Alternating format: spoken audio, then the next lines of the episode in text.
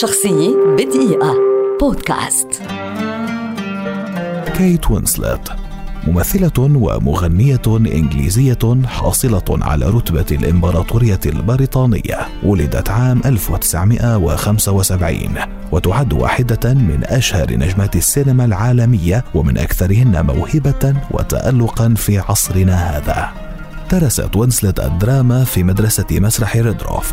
ظهرت في أحد المسلسلات للمرة الأولى عام 1991 وكان عمرها وقتئذ 15 عاما.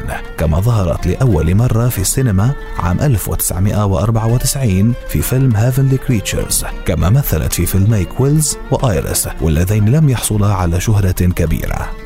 كان الفيلم الرائع Eternal Sunshine of the Spotless Mind بمثابة نقطة تحول في مسيرة وينسلت السينمائية وحصلت على ثناء لأدوارها في أفلام مثل Finding Neverland و Little Children. حصلت كيت على جائزة أفضل ممثلة في دور مساند عام 1995 من نقابة ممثلي الشاشة والأكاديمية البريطانية لفنون السينما والتلفزيون عن دورها في فيلم Sense and Sensibility. لكن شهرتها الأكبر والأوسع جاءت مع دور روز في الفيلم الشهير تايتانيك والذي كان ولا يزال من أعلى الأفلام دخلا في تاريخ السينما.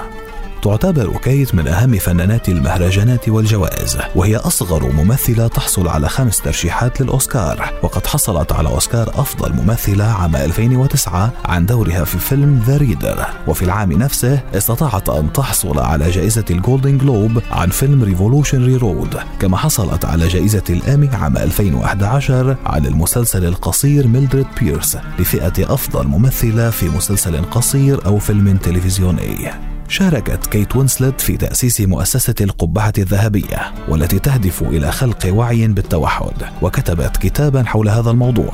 صنفتها مجلة تايم من بين أكثر 100 شخص مؤثر في العالم في عامي 2009 و2012 شخصية بدقيقة. بودكاست.